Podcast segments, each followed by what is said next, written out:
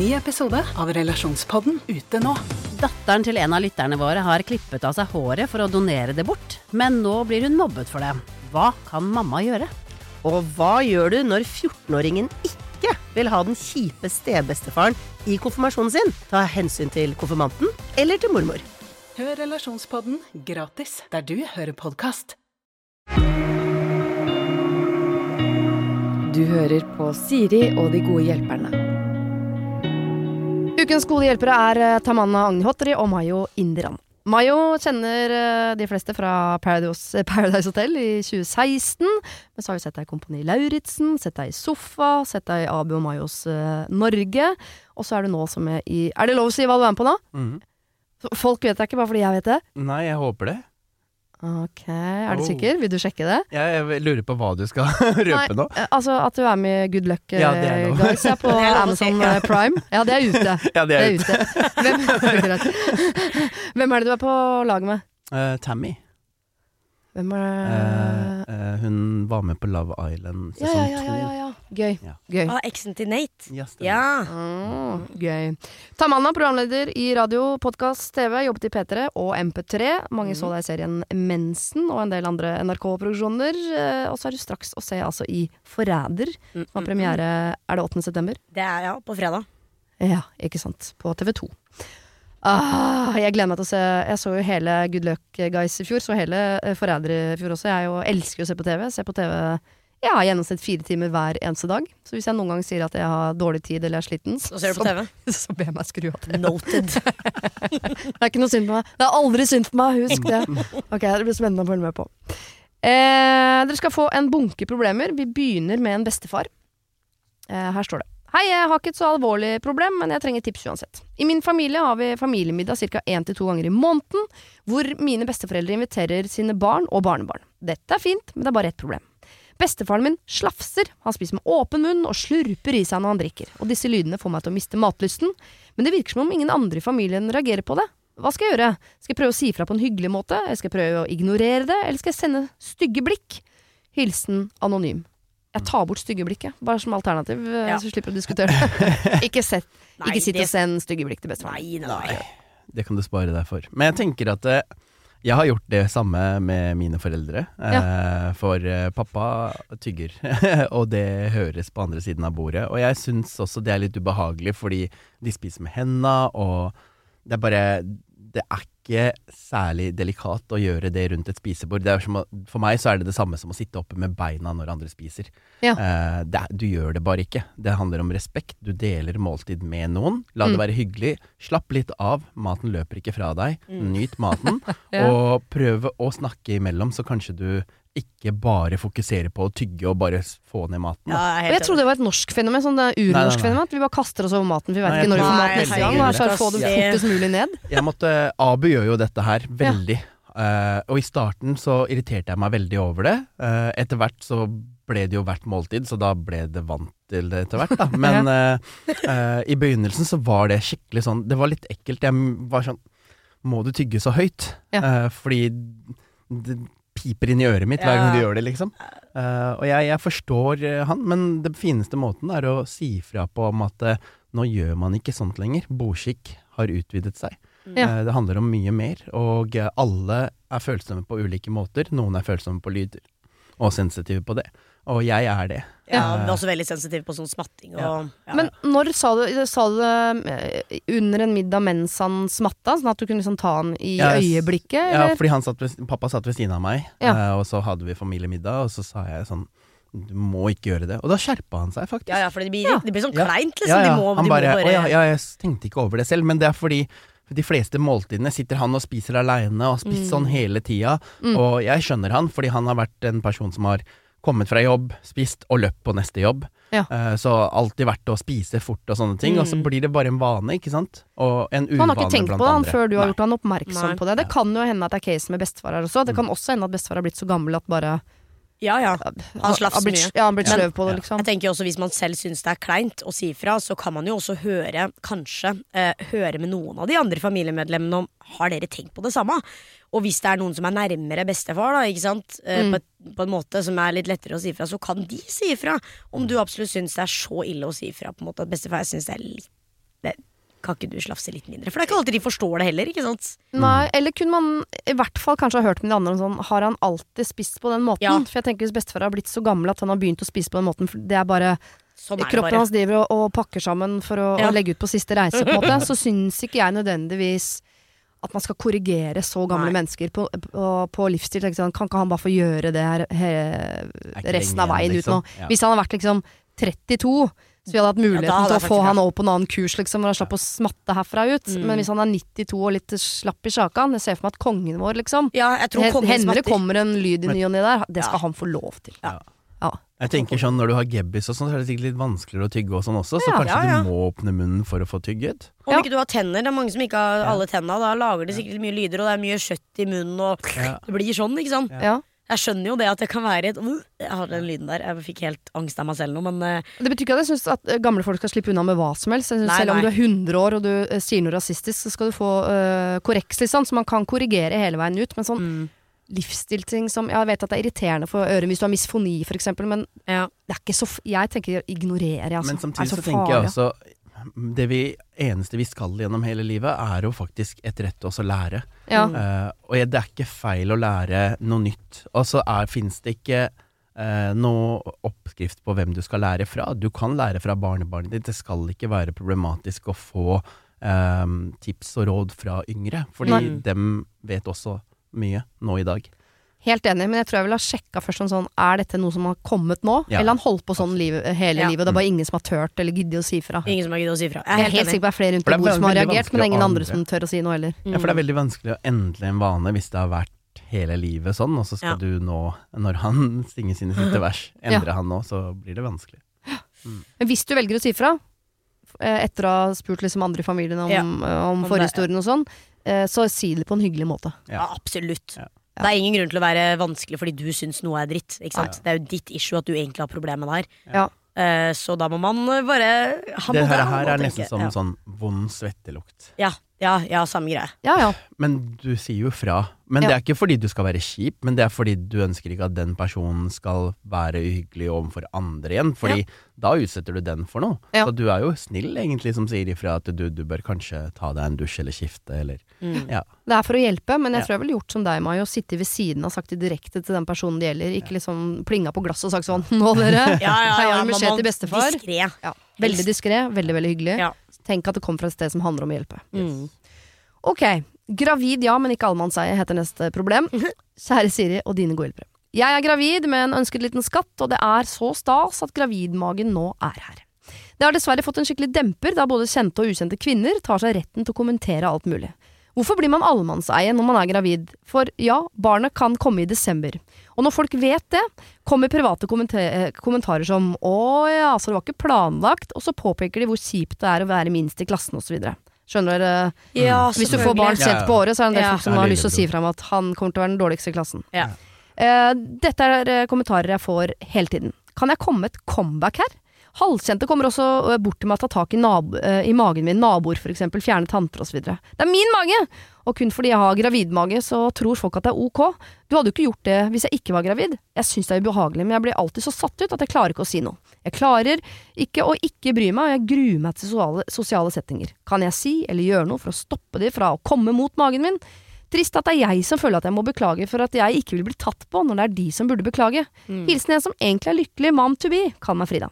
Altså det er flere ting her. Hun er gravid, Ja, og føle føler at fordi hun er gravid, så tror folk at de kan si og gjøre hva de vil. Det, det, er, det er jo ikke greit. Altså det, jeg skjønner jo veldig godt at eh, det er en sånn kulturting. Ikke sant? Mange eldre damer eller eller garden er vant til at det er helt greit at man tar på magen til La oss si dattera eller svigerdattera eller et eller annet sånt. At det er helt innafor å gjøre, liksom. Det er jo bare en, herregud, det er bare hyggelig. Man vil jo bare kose henne, så fin at du er gravid og går rundt og Men man glemmer jo at Ikke si gå rundt. Ja, ikke sant? Sånne ting. Man sier jo ikke det, ikke sant? Nei, nei. Men det gjør jo så mange. Ja. Det har vært borti sikkert Nesten alle mine kusiner som har vært gravide, får en kommentar. Og så god rundt du har blitt, Og så fin. Mm. Er det sånn- tvillinger inni der, ja? ja, Sånne. så, sånne dumme kommentarer, da. Og det, det er jo ikke greit. Jeg vet ikke hva annet jeg skal si. At det, det er jo ikke, jeg syns ikke denne personen Eller var det Frida hun ville kalt seg? Ja.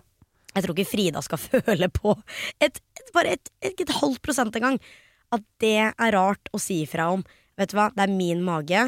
Ja, Jeg vil ikke at du skal ta på den. Ja, kanskje man skal lage seg en sånn setning som Man hun bare øver seg på å si. At hun sier den hver gang. Ja. Ja. Ja. Jeg tenker at uh, du må sette grenser hvis du ønsker endring. Ja. Hvis du bare jatter med, så blir du behandla sånn hele tida, og da har du ikke gjort noe med det. Uh, så du må ta tak i det, og så må Mm. du sette grenser. Eventuelt uh, trekke deg unna. Ja. Når folk kommer med hånda, dytte den unna. Bare sånn unnskyld. Mm. Eh, men det gjør også Du sender signaler, da. Du er ikke hyggelig av den grunn, men du beskytter Nei, nei. deg selv. Ja. Uh, Ja, for det er en del man kan vise med kroppsspråk òg. For Ja. du, du merker jo når du kommer inn i et rom hvem som er klemmer og hvem som ikke er klemmer, Ja. uten at de nødvendigvis sier fra med ord. Det, det, noe kan man sende, men det vil alltids komme en eller annen uh, dum nabo eller tante som bare er helt har knekte antenner og ikke tar signaler, Absolutt. og som allikevel liksom strekker ut hånda og vil bort og ta på. Mm.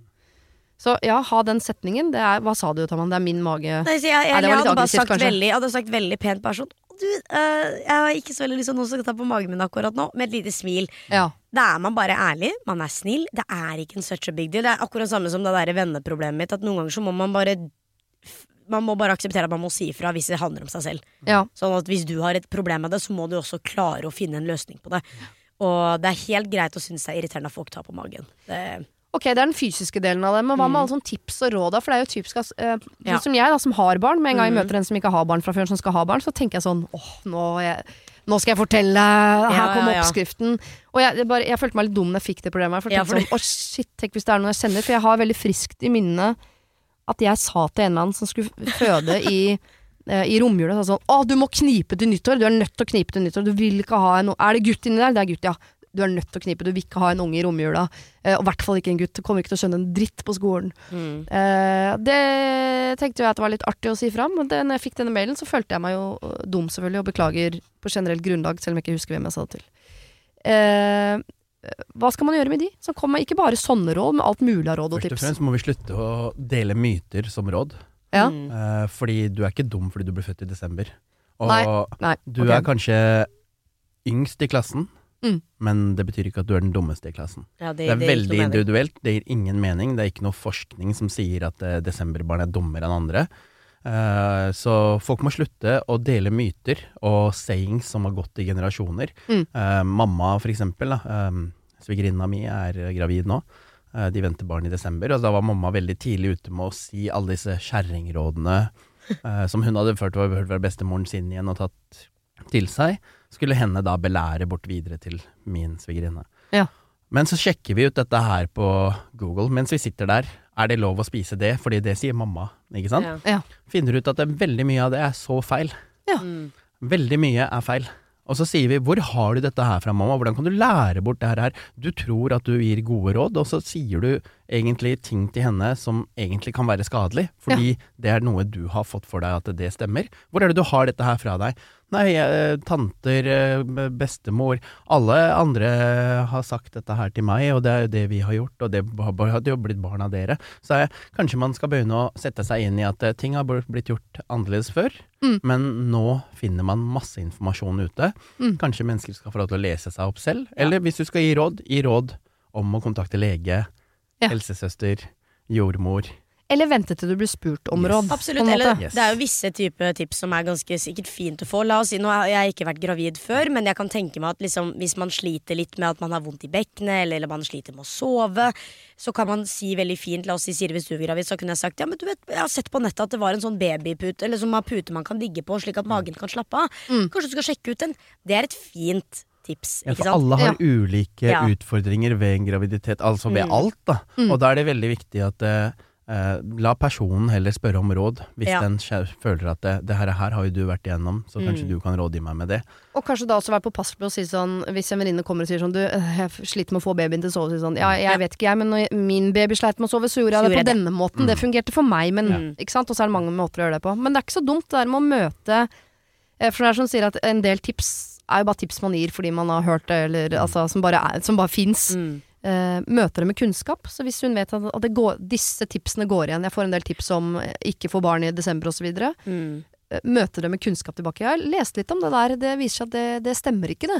Mm. Da tror jeg eh, Da slutter man å gi tips. Det Ja, sånn. og en annen ting også man må huske på, eller Frida kan huske på, er jo at selv om det kan virke som at de fleste menneskene som gir disse tipsene her, er veldig besserwissere, og mennesker som kanskje åpenbart bryr seg mer om seg selv enn personen som er gravid, Mm. så må man huske på at de fleste mennesker gir bare tips ut av øh, øh, omsorg og kjærlighet. ja. Og man må huske på den tanken, man må ha det i bakhodet. Mm. At de egentlig mener ikke vondt. De bare skjønner ikke helt at det her er litt teit å gjøre.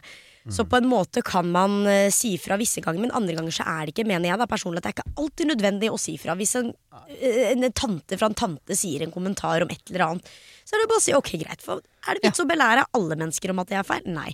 De som er rundt deg, kan man gjerne gjøre. Ja, og jeg tenker også det. Ikke ta alle kamper, for noen Nei. kamper er veldig unødvendig å bruke energi på. Ja. Ja. Ja, altså eh, Folk på gata trenger du ikke å liksom belære, men hvis det er en du vet at dette er et menneske jeg skal forholde meg til på ba Da. daglig basis gjennom graviditeten, da er det fint å si fra ganske tidlig. At. Mm. jeg orker ikke så mye tips og råd. Jeg leser, eh, leser mye om det, og jeg føler at jeg kan det jeg trenger. og Hvis jeg lurer på noe Mm. mer, så spør jeg. Eller, og jeg, eller jeg blir mer nervøs faktisk når du kommer med sånne type eh, rådsene der. For da, Ja. nå kjenner jeg at jeg nesten gruer meg.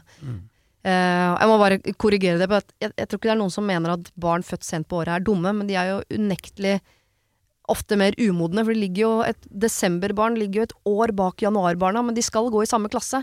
Og den forventningen skolesystemet Mm. har til at de jan som ble født i januar, og de som er født i desember, som jo er et år etterpå, skal ha eh, samme Ja, sånn, liksom, ja. muligheter til å skjønne det samme samtidig. Ja. Det, det, er, det er mange, så om ikke er, du er dum av å bli født i desember, så er det mange desemberbarn eller Som føler som føler seg dumme, for det er mange i Ja. klassen som skjønner ting før de. En ting som vi kan hvert fall påpeke, da, vi som ikke har vært eller har barn, er at jeg har aldri hørt dette her før foreldre sa det. Nei. Her er allerede problemet. Hvis barna ikke tenker på det, hvorfor skal foreldrene komme med det da? Det er problemet foreldrene, ikke barn, fordi barn er som oftest uskyldige, tenker ikke på sånt. Det er ingen som gikk i klassen og sa Er du født i desember? Å, fy faen, du er dum, altså. Eller du skjønner ingenting. Ingen sa det! Nei. ingen som sa det ever. Om ikke kom tuslende inn en mamma som sa det et eller annet sted. ikke sant? Så er det viktig å huske på at det er vi, eller foreldre og vi voksne som setter hva barna tenker. Så hvis du ikke vil at barnet ditt skal tenke det, så er det ikke vits å tenke på det i det hele tatt. Ikke plant den tanken der. Ikke plant tanken. Nei. Det fikser seg, det løser seg. Folk har verre problemer Ja. enn at du blir født i desember, for å si det sånn. Men så til Frida, da. Eh, Når du ikke vil at noen skal ta på magen din, da kan du si, det må nesten si fra hver gang. Eh, Ja. til folk som er på vei bort med hånda. Vis med kroppsspråk. Eh, ja, først prøv med kroppsspråk. Hvis hånda på en måte allikevel nærmer seg magen din, så sier du fra på en hyggelig måte. Du trenger ikke å si fra om alt annet til alle, men de du har mye med å gjøre, så kan du si fra at du ikke ønsker den typen råd eller Jeg er ikke komfortabel, er et fint ord. Du, jeg er ikke helt komfortabel med det. Ikke sant? Det er ikke slemt, det er bare ærlig. Ja. Jeg er redd nok som det er, jeg. Eller sånn. Du, Jeg trenger ikke noe mer her nå. Denne uken har eh, Siri og De gode hjelperne et samarbeid med utstillingen The Mystery of Banksy, A Genius Mind. Den utstillingen kan du se på Økernsenteret i Oslo helt fram til 16. juni. Til eh, tross for at Banksy er verdens mest kjente gatekunstner, så er han samtidig også helt anonym. Det er ingen som vet hvem han er, og en av grunnene til det er at han er etterlyst for vandalisme. Kunsten hans er ikke på utstillingen, det er altså 200 reproduksjoner utført av andre gatekunstnere du kan se på Økernsenteret. Og siden han er så anonym og utilgjengelig, så er det også umulig å få en godkjenning av utstillingen av Banksy selv, men folka rundt Banksy, som kaller seg Pest Control, de gjør kontroller og sier ifra hvis det ikke er godkjent. Og det har de ikke gjort her, og utstillingen er derfor å anse som godkjent. Og jeg tenker at eh, Banksy høres ut som en litt sånn eh, kul fyr, selv om jeg vet jo ikke hvem han er. Jeg bare ser hva han skaper.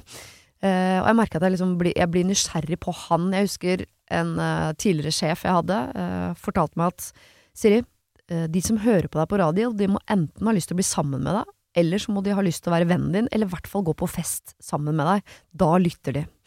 Eh, jeg vet ikke om jeg har så veldig lyst til å bli kjæreste med Banksy, vanskelig å si, men eh, det hadde definitivt vært veldig gøy å gå på fest med han eller ha han som venn, bare for å høre litt mer om eh, hva som bor inni det kunstneriske hodet hans. Kjøp billetter til utstillingen på mystery-banksy.no. Her kan du også lese mer om utstillingen. Bruk kodeordet Siri, velg tidsbestemte billetter på hjemmesiden, og få billetter til kun 250 kroner. Koden gjelder til og med 31. mars. Denne går ut til alle dere foreldre som ønsker at barna deres skal bevege seg mer. Bare husk på dette lille verset. Bort med mobilen, alle mann, så drar vi til Leos lekeland. Lek så mye du vil til 20. juni. Gå ikke glipp av tilbudet Springpass. Vi ses på Leos. Har du et problem og trenger hjelp, ja, så sender du det til meg. Da bruker du Siri, alfakrøll, radionorge.no. Ok, hei gjengen. Jeg er en jente i begynnelsen av 20-åra. Jeg bor hjemme med far og lillebror, men jeg har typ et eget hus hjemme. Altså jeg har sikkert et hus i hagen eller en yeah. bod som er innreda som et lite hus. Jeg elsker hunder. Jeg har en cocker spaniel fra før, på snart to år. Og jeg hadde to for et par måneder siden, men hun ene ble gammel og grå. Eh, Jeg og mamma snakket lenge om å få en tredje hund, og vi gikk til det skrittet at vi satte oss på valpeliste. Mamma gikk dessverre bort i juni, og vi sa aldri til pappa at vi hadde bestilt en valp til. Pappa er ikke så glad i hunder, men han nøyer seg med de hundene vi har. Jeg driver mye med hundetrening, så jeg kan jo kalle meg eh, for noe mer enn en vanlig hundeeier. Nå skal jeg oppover i landet og hente denne valpen, og jeg vet ikke helt hva jeg skal si til pappa. Hjelp meg, kall meg Lisa. Oi, Altså hun og mamma, som ikke er her lenger, dessverre, Ja. har bestilt valp. Hun er på vei til å Jeg, hente noen. jeg den. forstår det følsomme rundt der, da. Ja, ja. Jeg forstår også hennes genuine interesse for hunder. Mm. Og jeg tenker, dette her ser sikkert pappaen din også. Og pappaen din har forståelse for at det var mammas kanskje siste ønske sammen med deg, og at du har lyst til å gjennomføre det. Mm. Ta opp en koselig prat med pappaen din. Ikke skjul noe for foreldrene dine. Vær ærlig med dem. La de vite hvem du er. Så hun må si fra før hun drar og henter valpen. Du Jeg skal ikke bare satse det på at den valpen er så søt at den samtalen blir unødvendig Nei, når du du er, kommer hjem. ikke, du, er ikke, du er ikke så ung lenger at du bare drar og tar deg hull i øret, eller tar deg en piercing eller Mm. tatovering og dukker opp og bare 'jeg gjorde det'. det vi er ferdig med det, og vi har gått videre. Jeg tror vi lærer også at eh, vet du hva, med ærlighet og åpenhet så får man det mye bedre med de man er med. Hva hvis pappa sier nei, ja? Da, da får du et nei, da, men da har du også en pappa som kanskje har en mening om hvorfor du ikke skal hente den hunden. Mm. Det åpner opp rom for samtale. Ja. Og gjennom sånne samtaler, det er da man også vet hvor man står, og du får vite hvordan pappa står, og pappa får vite kanskje mer om din interesse for hund, da. Ja, Ja ja, ikke sant. Hvor gammel er du? 20. Jeg var 20, ikke sant. Ja, og Jeg driver med hundetrening, så jeg tror det er viktig for henne at det ikke er sånn at 'Å, jeg syns hunder er så søte, bare ha Ja, mange av de for å og kose med de'. Det er veldig viktig også, fordi la oss si hvis denne hunden øh, la, la oss si hun sier fra da, til far, ikke sant, og far er sånn 'hæ, nei, vi skal ikke ha en til hund, det er nok', og la oss si bare in, in, være ærlig og tenke at nå har noen gått bort også i det hjemmet. Mm. Det er masse ting å tenke på. Ehm, ikke sant, når noen dør, det er mye ting. Mm. Det er mye følelser, det er sorg, ikke sant. Og så skal noen komme seg med en valp liksom hjemme som tisser og bæsjer overalt, og du må jo oppdragelse. Mm. Det er fint å pitche inn på en måte for hennes del, at det kan være terapi. Det kan være en fin ting å ha noe annet å tenke på. Ja. Og bruke den samtalen for å eh, la faren forstå at det her handler ikke bare om meg, jeg tror det her kan være terapi for alle. Mm. Og viktigste detaljen, hun kan passe på hund. Mange kjøper jo bare hund, ikke sant? og så klarer de ikke å passe på den. Ikke vet hvordan de skal Ikke sant? den. ja. Det er jo det største problemet. Hvis, hvis jeg hadde hørt Hvis ikke hun hadde sagt nå at hun eh, er vant til hund og har eh, så å si passa på hund mye og er hundetrener og sånn, så hadde jeg tenkt very bad idea, Fordi da må sikkert faren passe på den. Ja. Men her er det hun som tar ansvar. Sånn hun ja. vil passe på den. Mm. Hun har et eget sted hvor den hunden kan bli. Så egentlig diskusjon Det eneste som må til, er at de bare snakker sammen, fordi det er fint å prate uavhengig. Ja. Ja. At hun må si fra. Hun gruer seg litt til å si fra, for hun er Ja. redd for et nei, men det skal mye til å få nei. Du, når du driver med hundetrening Dere har alltid hatt to hunder, så sånn Ja. sett er det ikke noe annerledes. Du Mm. har det siste året mistet både den ene hunden din og mammaen din. Ja. At pappa da skal si nei til at du skal få dra og hente en valp, som han vet at er en del av din livsstil. Og du må skyte inn at du og mamma Ja. stilte denne her sammen før henne gikk bort. Ja. Mm. Jeg tror det er, det er et viktig element å skyte inn. Ja. Og så i- og så bare ha denne samtalen her med pappaen din. Mm. Jeg tror det, det er jo det eneste mennesket altså, det er jo, Du har jo bare pappa igjen. Mamma Mm. er jo ikke der. Så lag deg den relasjonen med pappaen din. Ja. Kanskje det åpner for samtaler Ja, om ja. mamma. Hva, Helt riktig. altså, ja, Og alt. hvis ikke de snakker om det. Og fremtidige altså- utfordringer blir lettere å håndtere. Ja, fordi du setter standarden for hvordan kommunikasjonen deres skal være allerede nå. Åh, kan jeg kalle opp valpen etter mamma? Jeg vet, åh, det er fint Men kan vi bare, er kan vi bare være ærlige og si Altså helt ærlig Jeg vet at det her åpenbart høres ut som et dilemma Men til hun som har sendt inn da Jeg lover deg, det er aldri en eneste person På den hele verden her som elsker hunder Som åpenbart faren din gjør um, Som hadde hatt problem hvis det kommer en liten valp inn Nei. Man må bare akseptere det somehow Du kan være sur i en time, to timer Kanskje en dag La oss si kanskje en uke Men nå Men det tror jeg ikke over. pappaen er sur heller. Nei, det tror ikke jeg heller. Han bare har ikke lyst på Ja. masse hunder. Ja. Ja, men det tror ikke jeg heller. Jeg, tror det, det jeg skjønner at det er veldig slitsomt med mange hunder, for det er mye jobb. Men jeg tror når den først kommer, og man innser at vet du hva, det her er altså noe din kone eller samboer ønsket, Mm. så tror jeg hele aspektet, følelsesaspektet rundt det handler ikke mer bare om en hund, det handler om så mye mer. Ja. Min mann hadde ikke lyst på hund. Jeg tok han med på en valpegård og satt oss ned og koste med valper. Akkurat. Vi kjøpte hund. Ja. Jeg har vært der selv, Ja. vet du, så jeg veit at til, eh, Jeg har vært sånn Jeg skal aldri ha hund. Ja. Husker jeg med en eks jeg var sammen med, og så var vi og kjøpte en hund, da. Ja. Man gjør det, vet Jeg ble så glad i den hunden, jeg. Ja, Jeg gråt i så masse, for jeg savner han ennå. Ja. Så jeg tror, ja, jeg tror det åpner opp for gode samtaler, og jeg tror det problemet her løses bare å prate sammen. Og så er vi alle hundeelskere her, altså vi er kanskje litt biased. Jeg har hatt hund i var 15 år før han døde, så for meg er det liksom Ja. Men jeg hadde sagt det til katt og undulat og alt. Altså, det er så mye kjærlighet i dyr, på en måte. For de bare gir kjærlighet hele Ja. tiden. Så ja, Og send bilde til Siri av Voffen når du får den. absolutt. Ok, eh, det som kommer nå er litt verre. Ok. Så det handler også om kjærlighet, men ikke til firbente. Hei, Siri, jeg har et problem som tar opp store deler av hverdagen min. Jeg er forelska i kompisen til kjæresten min. De to har eh, bodd sammen, noe som har ført til at jeg har måttet omgås begge to over en periode. Eh, Og det gjorde jo ikke situasjonen noe bedre. For ett til to års tid siden flyttet de to fra hverandre, men jeg tenker fortsatt på han. Jeg elsker kjæresten min, men jeg begynner virkelig å tvile på når jeg ikke klarer å slutte å tenke på kompisen hans. Nå bor jeg sammen med kjæresten min, og vi har det veldig bra sammen, men det går selvfølgelig utover humøret mitt at jeg ikke aner hva jeg egentlig vil. Jeg vet virkelig ikke hva jeg skal gjøre, og føler meg skikkelig dum. Har fått bekreftet fra kompisen at han er interessert og liker meg, men da ler jeg det bare bort og sier at jeg håper han finner seg noen andre. Men egentlig vil jeg jo bare ha han selv. Jeg synes dette er en kjip situasjon, da jeg helst ikke ønsker å slå opp med kjæresten min, men lurer på om hjertet prøver å fortelle meg noe, eller om det bare er tanken og spenningen rundt dette. Burde jeg slå opp og muligens angre, eller bare stå i det og håpe at følelsene forsvinner? Kall meg gjerne Sara. Og så kommer det litt tilleggsinfo her. Kompisen har et liv og en familie jeg selv ønsker, eh, der hvor jeg bor og jobber, mens jeg med min nåværende kjæreste bor åtte timer unna familien vår. Jeg ønsker ikke å flytte hjem. Eh, vi nærmer oss 30-åra, så jeg føler ikke at jeg kan vente i flere år med å bestemme meg med tanke på barn osv. Veldig åpenbart, da. Hun Ja. sier jo selv eh, hva problemet her er. Eneste jeg er litt eh, redd for, er den sjansen hun tar, fordi Mm. nå har henne et liv, Mm. og hun ser et annet liv som henne tror. Det er Ja. som å si 'gresset er grønnere på andre sida. Mm. Hun tror at eh, det livet kan bli bedre for henne, Mm. fordi hun husker at eh, å chille med han kompisen var gøy, vi vibet og ditten datten. Mm. Men det kan kanskje hende det bare er på en vennskapelig måte. Ja. Det vet man ikke. ikke Eller flørting. Ja. Fordi uh, å være i relasjon med en og flørte med en er to forskjellige ting. Ja. Eh, og når du ønsker å gå ut fra noe du har bygd opp, og tror at du får noe bedre med et annet menneske, Mm. uten å ha vært i den samme situasjonen med det mennesket, Mm. så bare Du bare tror. Og tro er ikke nok. Det er litt feige lag ofte i sånne situasjoner, for du har Ja. det kjente og kjære hjemme, og så har du Mm. det spennende der borte. Den Ja. konkurransen er, det er ikke, de stiller ikke med samme lag. Nei. Det er urettferdig. Nei, jeg tror også at det her ikke er så uvanlig som man tror.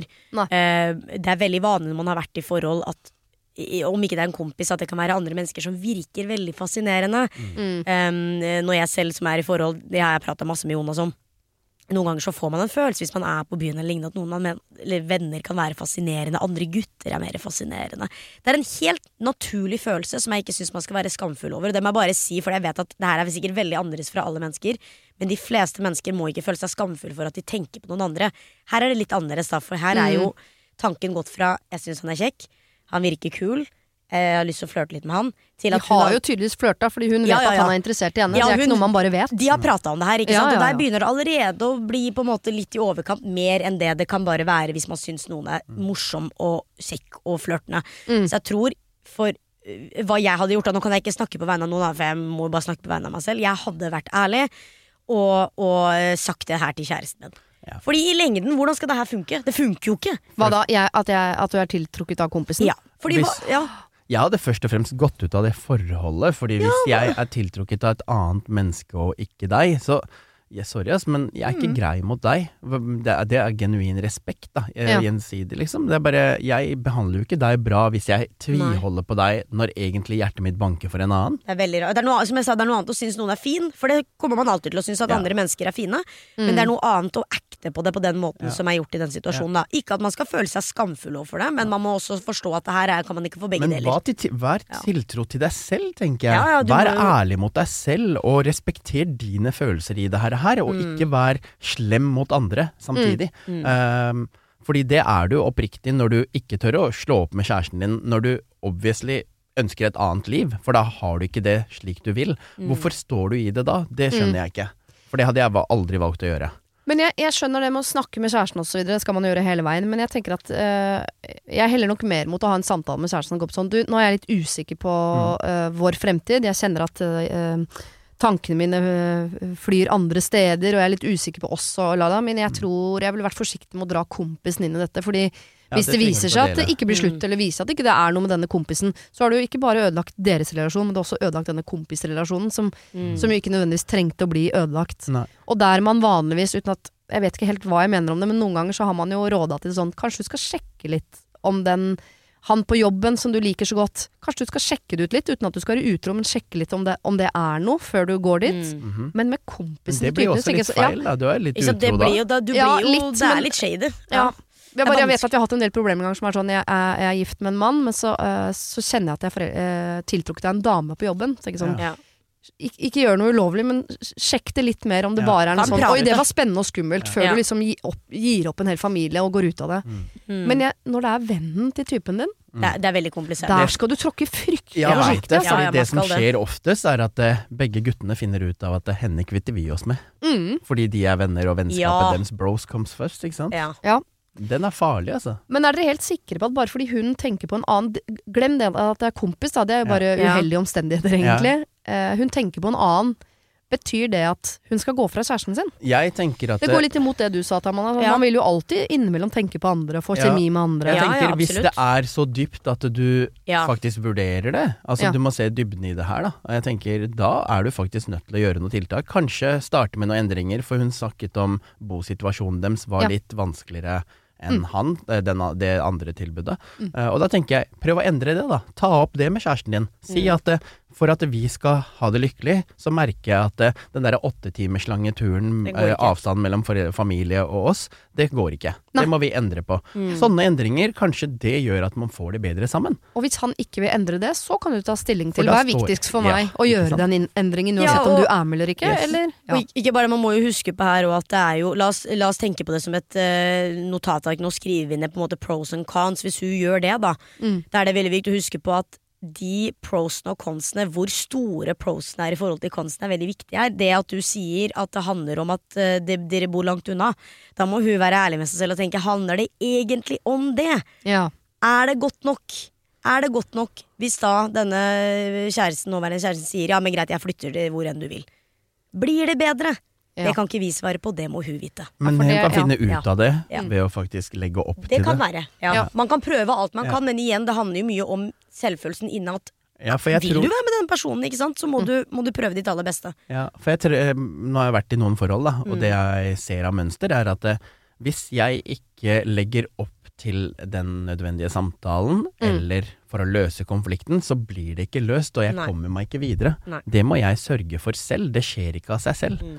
Eh, Så du må samarbeide, du må samspille med partner, eh, og eventuelt eh, neste fest, når han kompisen er litt berusa, åpne opp en samtale der og se hva du får henta der, uten Ja. at du flørter. Bare en genuin samtale. Ja. Men folk har litt lettere med å være ærlige når de er fulle. Det er derfor jeg sa ta det på neste fest. Ja. Mm.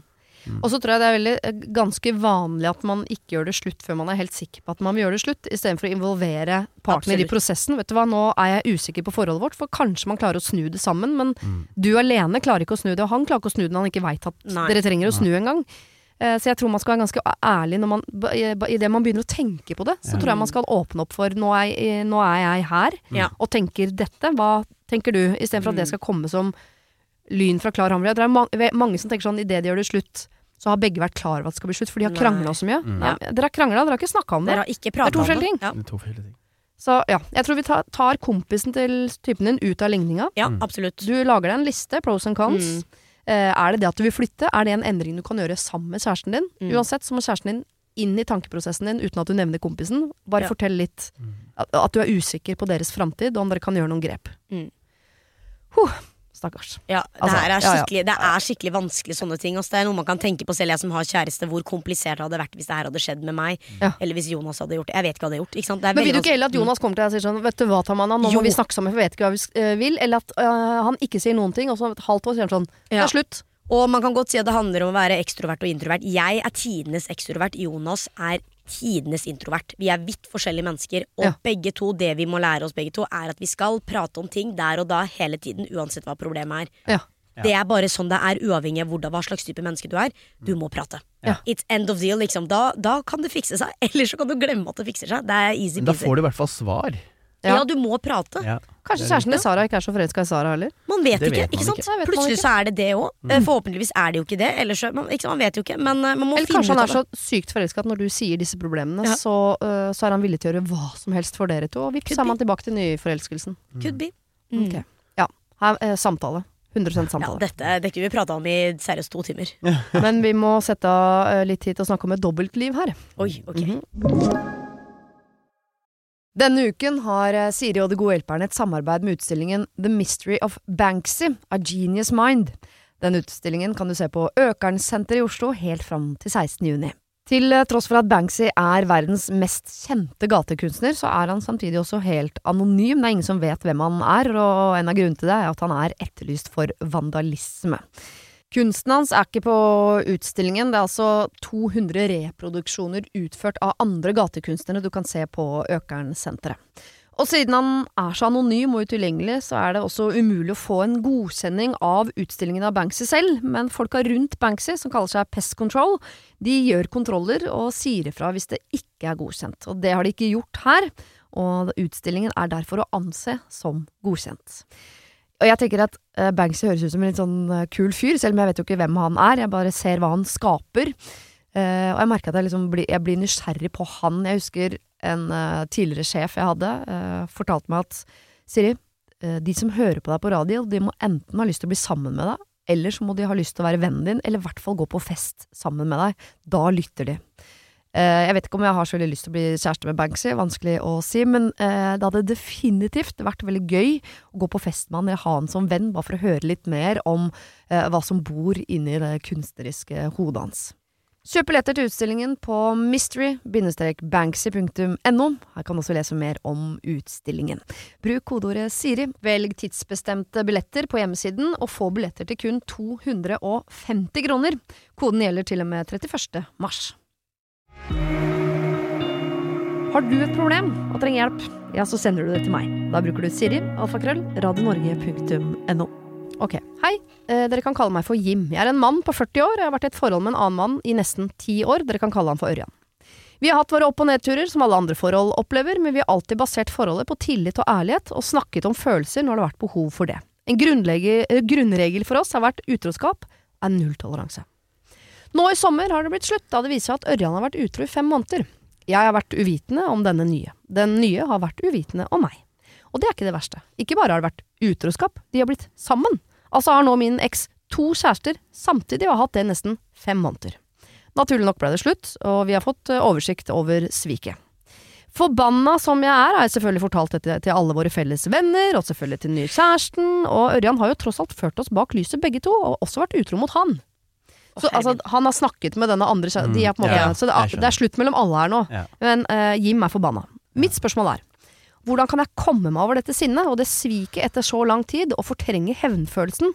For la meg være helt ærlig, den hevnfølelsen er definitivt til stede. Jeg håper dere kan hjelpe meg. Oh. Han kaller seg for, ikke bare Jim, men en knust Jim. Ja, Ja, det skjønner det der, det der jeg. hørtes ut som Mayo på 20, men uh, Ja. For da gikk jeg gjennom noe lignende. Ja, Hadde du en Eh, kjæreste som hadde to kjærester? Uh, nei, men det er dobbeltliv, liksom. Uh, Ja. Det og- sammen med deg og en annen, da, ikke Ja. sant? Ja. Ja. Ja, og det Vi var jo 20 år gamle, jeg skjønner. Um, men igjen, jeg gjorde også det samme. Jeg skjønner ikke samme. logistikken, jeg. Nei, ja, men, jeg, jeg, men jeg, jeg, skjønner at man er uviten, man er Ja umoden, man er usikker på seg selv, man gjør ting som man ikke kanskje tenker grundig gjennom.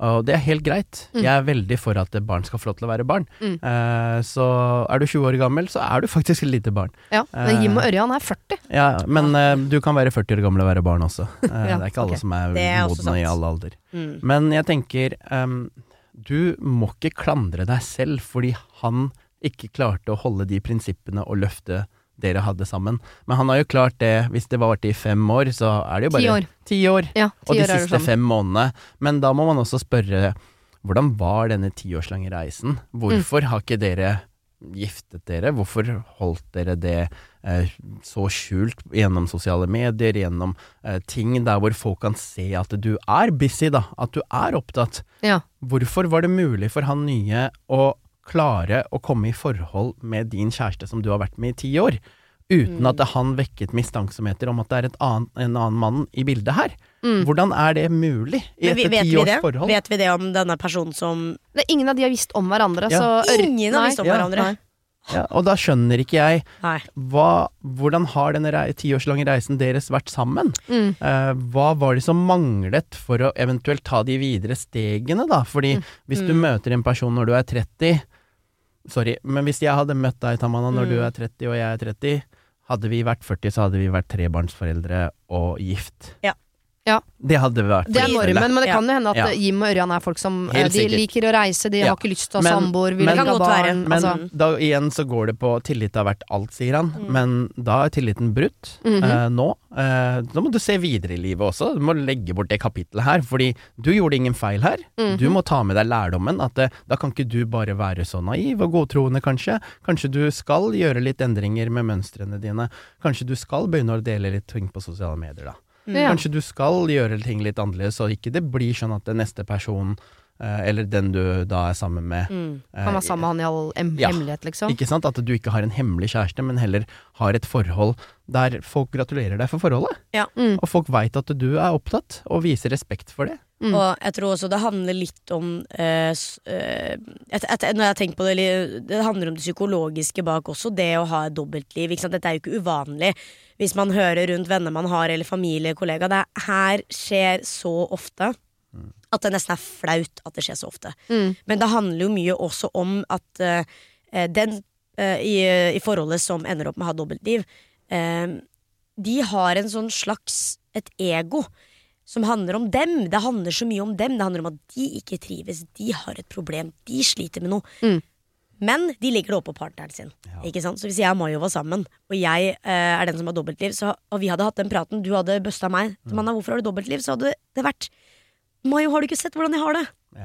Eller du hadde snudd det og sagt 'du Ja. får meg til å føle meg Du får sånn'. meg til å føle meg sånn. Så her er det sånn psykologisk maktspill også. Mye mennesker som gjør sånne ting. De har, de har et, det er en viss type sånn, uh, characteristics de har, da. Mm. Som funker veldig bra til å gjøre sånne ting. Fordi let's be real, du må kunne planlegge ganske godt for å kunne klare å ha dobbeltliv. Du må ha en baktanke. Du legger deg Det er noen kveld. psykopattrekk der, som Ikke er bare ja. Ja, ja.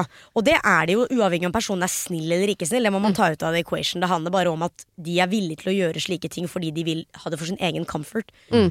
Og da må man tenke på det Mayo sier at Tenk på det! Tenk på hvor usle og teit det er at denne personen må gjøre så mye. Våkne hver morgen og kveld i så la hva, fem måneder. Ja. Og gjøre dette her for å føle seg bra. Mm. Hvilken Mens- telefon skal jeg ja. skru på i dag? Hvor er? SIM-kortet nå? Ja, tenk så teit Tenk så teit at, du må gå, at de må gå gjennom alt det der imens du, som er det da i det, i det forholdet, som klarer det her helt fint og har stått opp hver morgen med kjærlighet.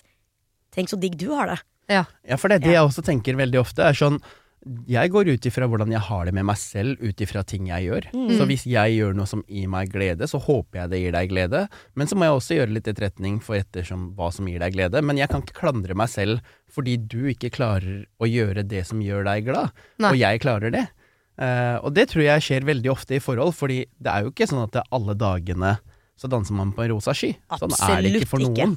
Uh, og man møter på utfordringer uansett forhold. Men eh, jeg tenker at eh, man må skjønne ting selv. Man må se partneren sin.